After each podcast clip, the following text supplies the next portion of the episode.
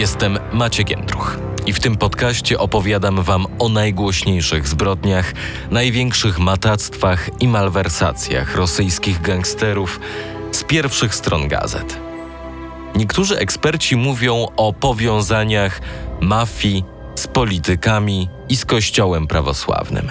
Czy istnieją dowody na takie pakty na przestrzeni lat? W tym odcinku ruskiej mafii sprawdzę, jak zażyłe i korzystne są znajomości w kręgu półświatek, polityka, cerkiew. Zapraszam. Ruska mafia w RMFFM. Korzystne znajomości. Świat przestępczy, politycy, cerkiew.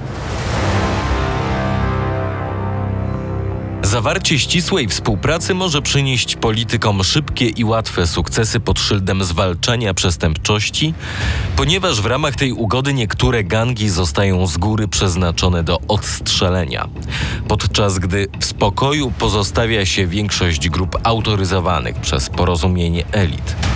Tak napisał o współpracy między światem przestępczym, politykami i kościołem prawosławnym Federico Varese, autor książki Mafia Rosyjska. Udowodnił on w swojej publikacji, a przynajmniej próbował udowodnić, że niektóre tajne operacje organizowane przez organy państwowe można przeprowadzać we współpracy z przestępcami, na przykład te wymierzone przeciwko czeczeńskim terrorystom Ruch Kozacki, do którego przeniknęło wielu przestępców, zawarł taki właśnie pakt z państwem rosyjskim. Czy istnieją dowody na to, że podobny pakt zawarła z państwem mafia? Ważne rosyjskie postacie, stojące po obu stronach prawa, otwarcie wypowiadały się za zawarciem porozumienia między zorganizowanymi grupami przestępczymi a państwem. Takim przykładem jest Józef Kobzon, zmarły w 2018 roku radziecki piosenkarz. Był blisko związany z dość podejrzanymi rosyjskimi osobistościami. Stał się publicznym promotorem takiego paktu. W związku z tymi pogłoskami nie mógł nawet otrzymać wizy wyjazdowej do USA. W wywiadzie udzielonym Komsomolskiej Prawdzie w maju 1994 roku wezwał do zawieszenia broni między państwem a strukturami świata przestępczego. Może należałoby podjąć dialog. Trzeba by usiąść przy stole i, jak to się mówi, ponegocjować z udziałem mediatorów ciał publicznych albo prasy. Tak mówił. Kolejnym przykładem jest Władimir Pietrowicz Podatiew, pseudonim Pudel, założyciel Swobody, prywatnej firmy ochroniarskiej, która była zamieszana w przypadki wymuszeń i porwania. Firmę tę uważa się też za przykrywkę dla przestępczej działalności Pudla, jak pisał Izwistia w jednym z artykułów w 1995 roku.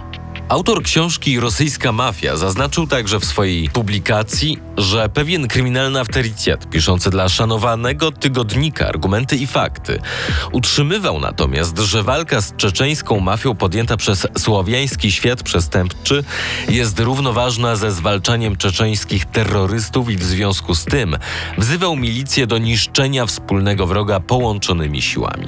Tak właśnie pisała gazeta Argumenty i Fakty we wrześniu 1999 roku. Kiedy takie oferty współpracy nie znajdują odezwu, zdarza się, że przestępcy, jak pisał Varese, grożą elicie politycznej kraju. Sygnalizując swoje niezadowolenie z wprowadzenia artykułu 41 bis do regulaminu więziennego, mafia sycylijska latem 1993 roku podłożyła kilka bomb w miejscach o znaczeniu historycznym we Włoszech.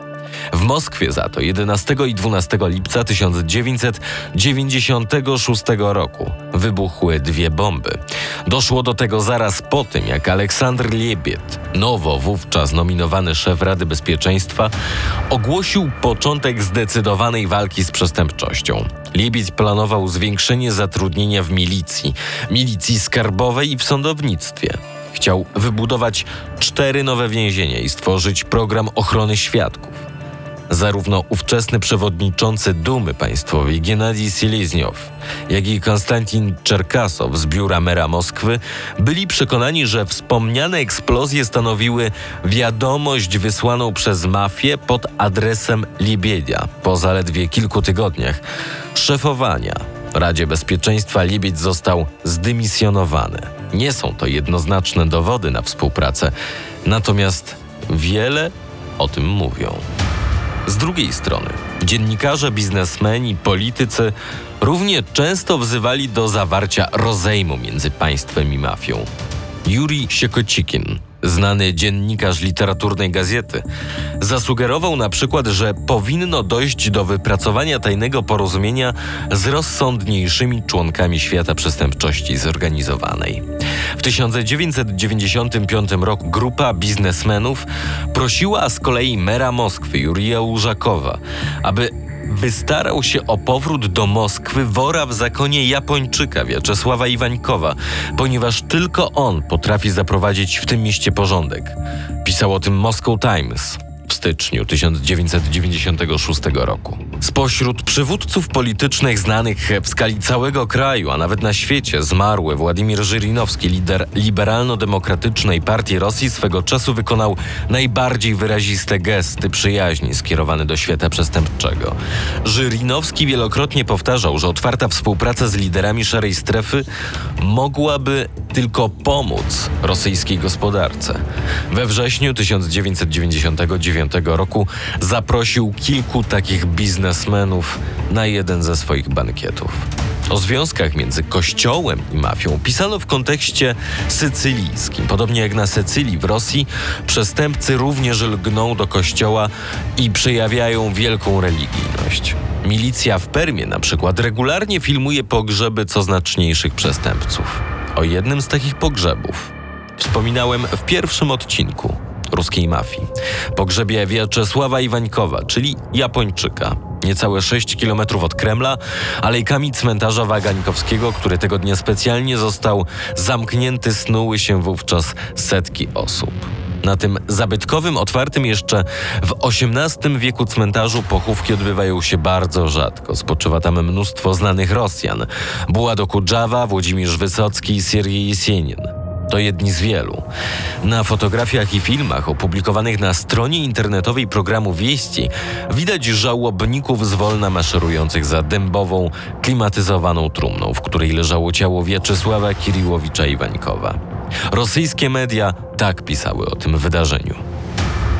W Moskwie odbędzie się pogrzeb wora w zakonie Wiaczesława Iwańkowa, znanego w świecie przestępczym jako Japończyk. Szefowie kryminalni z całego świata przyjadą zobaczyć Iwańkowa w jego ostatniej podróży. Spędziwszy prawie dwa miesiące w szpitalu po zamachu, Iwańkow zmarł 9 października w wieku 69 lat. Jednak jego pogrzeb przełożony został ze względu na konieczność przeprowadzenia sądowych badań lekarskich. Podczas gdy organy ścigania badają przyczyny śmierci, w mediach pojawiły się informacje, że ludzie z jego otoczenia już namierzyli zabójcę. Rosyjscy mafiozi chętnie wystawiają sobie bogato zdobione nagrobki i mauzolea. Nad najbardziej prestiżową częścią cmentarza, Szerokorieczęskoje, w Jekaterynburgu dominuje na przykład wysoki na 3 metry nagrobek Michaiła Kucina, bossa gangu Centralne, zabitego w 1994 roku. Na ogromnej ciemnozielonej płycie z malachitu i serpentynitu widnieje płaskorzeźba przedstawiająca wizerunek zmarłego. To nie jedyny przykład. Na wielu rosyjskich cmentarzach takie nagrobki się pojawiają. Przestępcy bywają także bardzo hojni. Posłużę się tutaj przykładem, który podał w swojej publikacji Federico Varese. Siergiej, przestępca, który został mnichem, przyjmuje od nich dary na rzecz swojego klasztoru. Szef permskiego oddziału RUOP-u, czyli Regionalne Uprawienie Organizowanej Przestępności, utrzymuje, że za główne prace renowacyjne w cerkwi Fiedosiejewskiej zapłaciła firma, która jest legalną przykrywką dla jednej z grup przestępczych działających w tym mieście. Michaś za to, boss Sącewa, przekazał z kolei hojną darowiznę na budowę cerkwi Chrystusa Zbawiciela w Moskwie. Tę największą w Rosji świątynię prawosławną. Życzył sobie, aby jego nazwisko zostało wyryte złotymi literami na marmurowych płytach, które miały zdobić cerkiew. Tak pisał o tym Kamiersant w 1995 roku. Przestępcy często traktują swoje powiązania z Kościołem również jako formę autopromocji. Nagrobek przyciągający uwagę na cmentarzu to pomnik reputacji i kariery przestępcy. A że Kościół jest w dodatku instytucją powszechnie szanowaną, pozostający z nim w bliskich stosunkach przestępcy zyskują publiczne uznanie. W przypadku Rosji Kościół może odnosić bardzo wymierne korzyści z tych relacji, uzyskując argument w postaci mafijnych mięśniaków, którzy pomagają mu egzekwować długi. W następnym odcinku. Bajecznie bogaci rosyjscy przestępcy często i chętnie udzielają się także charytatywnie.